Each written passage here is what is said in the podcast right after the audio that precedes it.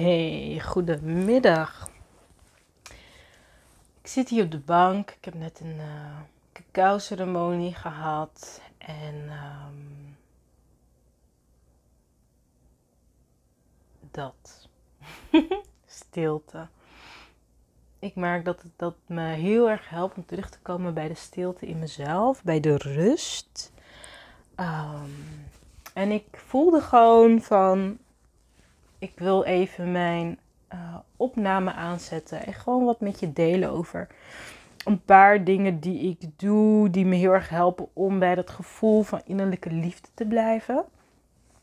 In deze uh, chaotische maatschappij, waarin we midden in een tijdperk zitten van, nou ja, toch wel hele heftige uh, transities. Ik bedoel, de maatregelen zijn nog niet voorbij.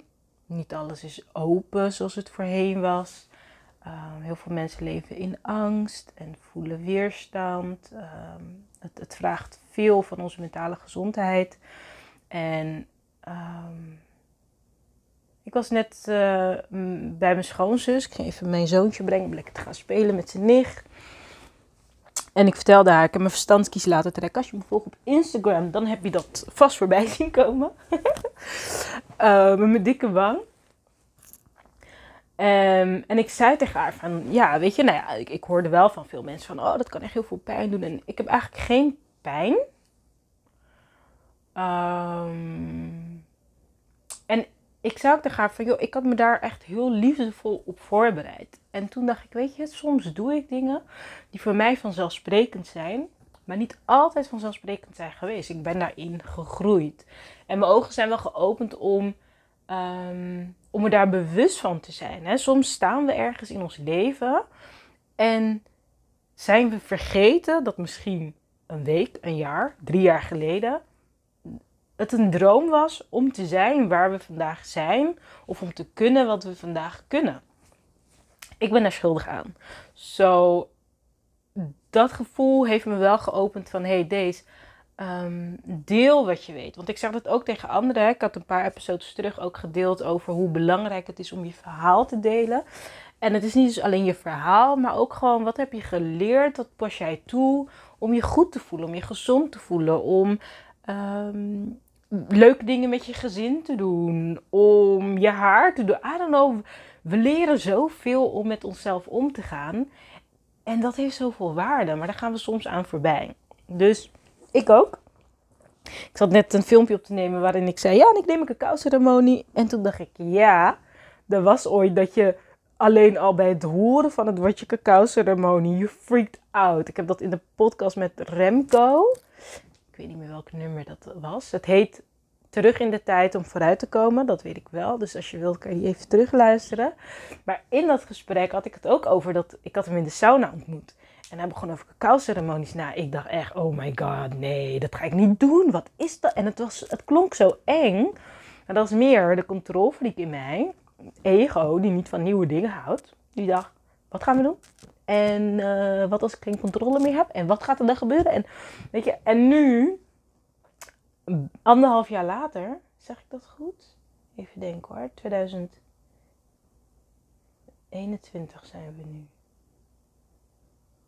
Vorig jaar was het heel het jaar corona. Oh my god, 2019 dus. Wow, zo tijd vliegt. Dus het jaar 2019 heb ik het gedaan. 2020. En nu in 2021 doe ik zelf in mijn eentje cacao-ceremonies. Dat is echt een behoorlijke groei. En ik doe dat vandaag, een dag na de nieuwe maan, omdat ik voelde van ik zit heel erg in mijn hoofd. Uh, mijn kind heeft vakanties. Ik heb ook vakantie genomen. Daar ga ik niet zo goed op. Ik ben niet zo goed op vakanties. Misschien gek als auteur van het boek Ontspannen Succesvol. Maar goed, het boek komt dus ergens vandaan. Het is voor mij zeg maar uh, makkelijker en ik voel me nuttiger als ik aan het werk ben. En op het moment dat ik time-out neem, waar ik dus volledig voor sta, dan wordt er van alles getriggerd. Er komen allemaal stemmetjes omhoog die dan zeggen van, uh, dat ik dan niet nuttig ben, dat ik het dan niet goed doe, dat ik dan achterloop. Dat ik dan... En dat zijn stemmetjes. Punt. en om dus meer te verbinden met de innerlijke stem van de liefde, gebruik ik dus onder andere uh, de cacao. Om echt weer bij mijn gevoel te komen. Om gewoon weer uh, ook dit, weet je, echt vanuit liefde te kunnen opnemen. Want de stemmetjes in mijn hoofd die zeggen dan: je hebt vakantie, je mag geen boodschap opnemen. Dus ik word een soort van krampachtige vrouw. Nou, dat is niet grappig. dat is echt niet grappig. Dus um, misschien voel jij soms ook krampachtig. Dan helpt het je om misschien wel dat ik je met jou deel hoe ik dit soort dingen um, aanpak. Nou ja, ik um, geef mezelf toestemming om krampachtig te zijn. Ik vergeef mezelf ervoor. Ik doe vaak kusjes mijn hand. Uh, in mijn leadership program deel ik dat van hè, als ze dan. Kijk, als je wilt groeien, word je ook bewust in waar je die groei tegenhoudt. En het eerste wat je dan doet als je daarachter komt, is geef jezelf een kusje op, de op je handpalm. Gewoon van het is oké, vergeef jezelf. Nou, cacao ceremonies doe ik dan. Um, wat ik nog meer doe, bijvoorbeeld met het trekken van mijn uh, verstand kies. Ik bereid me energetisch voor. Dus ik zit van tevoren al liefde te sturen naar de arts die mij gaat behandelen, uh, naar iedereen die daarmee te maken heeft. Ik, ik visualiseer mezelf in roze licht en ik mag er helemaal zijn. En ik vraag God om me te beschermen. En ik vraag God om iedereen in goede energie die dag aanwezig te laten zijn. Dat het goed mag verlopen. Kijk, ik bid ervoor. Ik zet intentie ik creëer ook rust op die dag. Bijvoorbeeld, ik had dinsdag 9 uur afspraak. Nou, het ziekenhuis is op loopafstand, dus ik ben door het park heen gaan lopen. Uh, met een heerlijke podcast op. Ik hou van de natuur. Mijn moeder was de avond van tevoren al komen logeren, zodat ik ook echt rustig kon opstaan en kon gaan. Toen ik terugkwam, um, hè, dan is zij ook thuis, dus ik weet ook van, ik hoef niet daarna gelijk weer te rennen in de mama-modus. Um, maar ik kan gewoon rustig op bed liggen en gewoon zijn. En um, verwerken. Dus ik kom daar aan in het ziekenhuis en ik ben gewoon rustig. Ik zet gewoon lekker uh, muziek op. Een nummer die mij meteen naar mijn gevoel brengt is The Power is Here Now heet het. Van Alexia uit mijn hoofd. Um, dus die zit ik dan gewoon te luisteren. Ik meld me aan. En ik, ik zit dan echt in een bubbel. In een liefdesbubbel. Ik creëer oprecht gewoon een liefdesbubbel voor mezelf. Ook omdat ik het... Weet je, ik vind het best spannend. Uh, het kan alle kanten op. Het is toch een chirurgische ingreep. Mijn tandarts had me al voorbereid. Hij kent me een beetje van... Mevrouw, het is niet uh, zomaar iets, hè? Dus ik zou wel echt een paar dagen vrij plannen daarna. Hmm, oké, oké. En je hoort al verhalen. Ja, ik had in mijn community ook aan mijn sisters gevraagd van... Hey, willen jullie voor me bidden? En ik voelde me ook echt ondersteund. Hè? Ik voelde echt die liefde. Ik voelde me zo gedragen toen ik daar in die stoel lag. Dat is echt fijn. Dat is echt de kracht van sisterhood. Um, en ook van durven vragen. Want ik, ik voelde van, hé hey, ja, de reden dat ik dus zo actief bezig ben met zachtheid, positieve intentie, gebed. Omdat dus ook een deel in mij het spannend vindt. En um, dus ik kom daar binnen en ik ging liggen. Ik zei, um, ik wil graag de verdoving die niet pijn doet. die mag je al lachen. Ja, dat deed ook helemaal geen pijn. Ik ben goed verdoofd. Ik voel me nu... Het is een dag later. Ik voel me nog steeds een beetje verdoofd. But that's okay. Um, en op, ik moest ook heel lang wachten. Maar ik was zo ontspannen. Ik was zo ontspannen gewoon. Um, dus ik lag daar. Ze zeiden, ja, weet je, we laten even de verdoving vijf minuten inwerken. Nou, vijf minuten werd 35 minuten. I was chill. Ik was zo chill gewoon.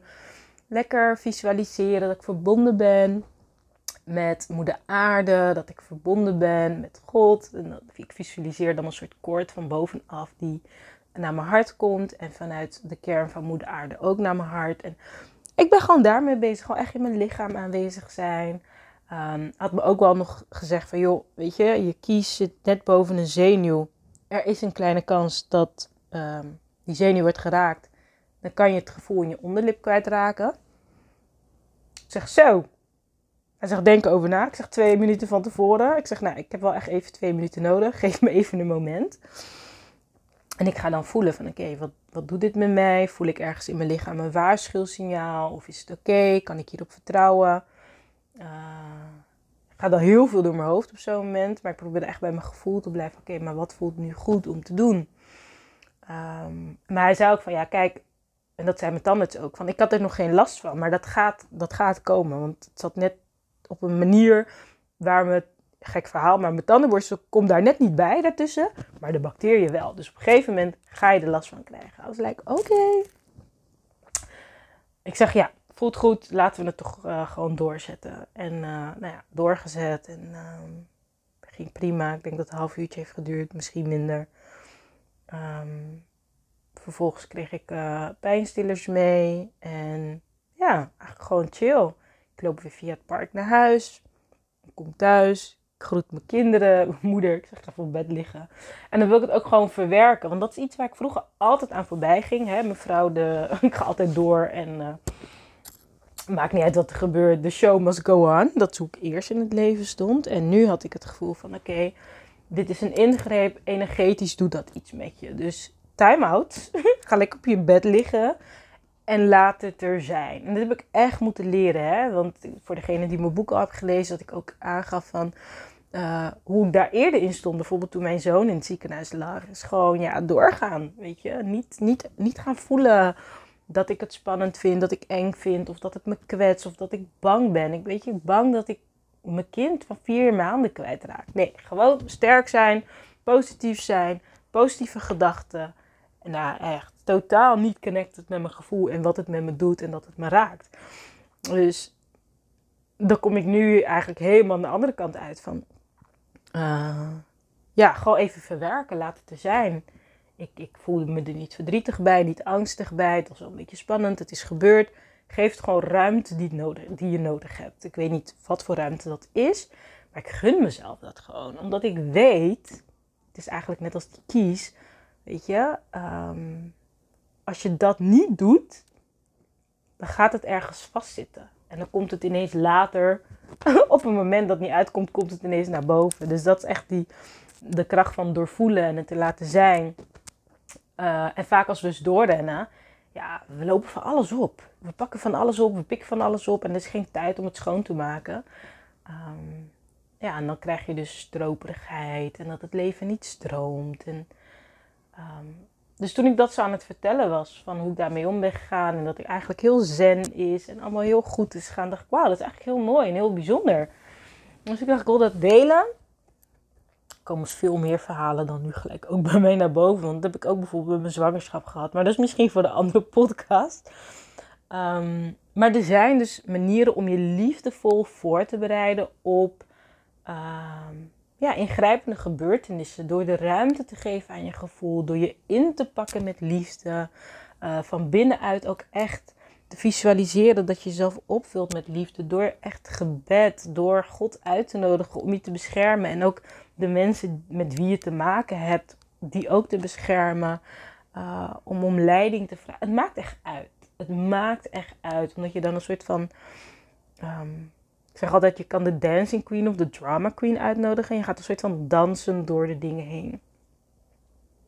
Dus ik hoop dat je hier wat aan hebt om echt te geloven dat je dus moeilijke gebeurtenissen kunt verzachten. Door meer te verbinden met je gevoel, uh, door meer te verbinden met de zachtheid. En dat de zachtheid dus juist een krachtige basis biedt. We hebben echt een verkeerde misvatting, vind ik, over zachtheid. Uh, en kwetsbaarheid en gevoel. In deze wereld doen we het echt alsof het. Ja. zwak is. Alsof het. Um, je onderuit haalt. Terwijl wat ik zie en wat ik ervaar is dat het niet verbonden zijn met de zachtheid ons juist onderuit haalt. Omdat we op een kracht leunen wat geen ware kracht is, een valse macht, zeg maar. En die zachte bedding, um, hè, de moederenergie, dat is echt de kracht waar je op kunt leunen, waar je op kunt, uh, dat bedding geeft. en als je hier meer over wilt weten, um, weet je, episode 37 uit mijn hoofd, waarbij ik met Brechtje praat over de yin-revolutie, wat dus ook gaat over meer zachtheid toelaten. En zij dus heeft over hè, de schoot op je hoofd op de schoot van een vrouw kunnen zetten. Dat gaat over die zachtheid in je leven uitnodigen. En ik geloof, en dat is waar magie voor mij over gaat, dat dat de kracht is die veel meer aanwezig mag zijn. Nou, cacao is dus een van de dingen die mij helpt om die zachte energie uit te nodigen. Want het is ook best wel uitdagend om in deze wereld die meer op hardheid vertrouwt, met die zachtheid te komen opdagen. Want je voelt je ook kwetsbaarder. Je hebt ook het gevoel dat je uh, ja, meer shit over je heen kan krijgen. Hè? Als je open staat, kunnen mensen ineens gewoon erin schoppen of spugen of weet ik veel wat. Dus het voelt ook echt veel spannender. Uh, maar door dat vaker uit te nodigen in veilige omgevingen, um, ga je daar sterk in worden. En dat, dat is al het werk dat ik doe in mijn community, de retraite, wat er aankomt. Gaat echt over jou bekrachtigen in je zachtheid. Jou bemoedigen om die zachtheid en die gevoeligheid weer terug te laten komen in je leven, omdat dat je ware kracht is. En dat als we dat onderdrukken, dat de meeste shit daar vandaan komt. Dus ik hoop dat dit je bemoedigt um, om door te gaan met zacht durven zijn. En uh, ja, mocht ik daar iets in voor je kunnen betekenen, let me know. Je kunt me DM'en via Instagram. Je kunt me mailen via info.daisydavega.com als je meer info wilt over uh, de cacao of over de retraite of gewoon iets wilt delen over wat je hebt gevoeld tijdens het luisteren naar deze podcast. Vind ik leuk om te horen en met je in contact te zijn. Alright, have a good day.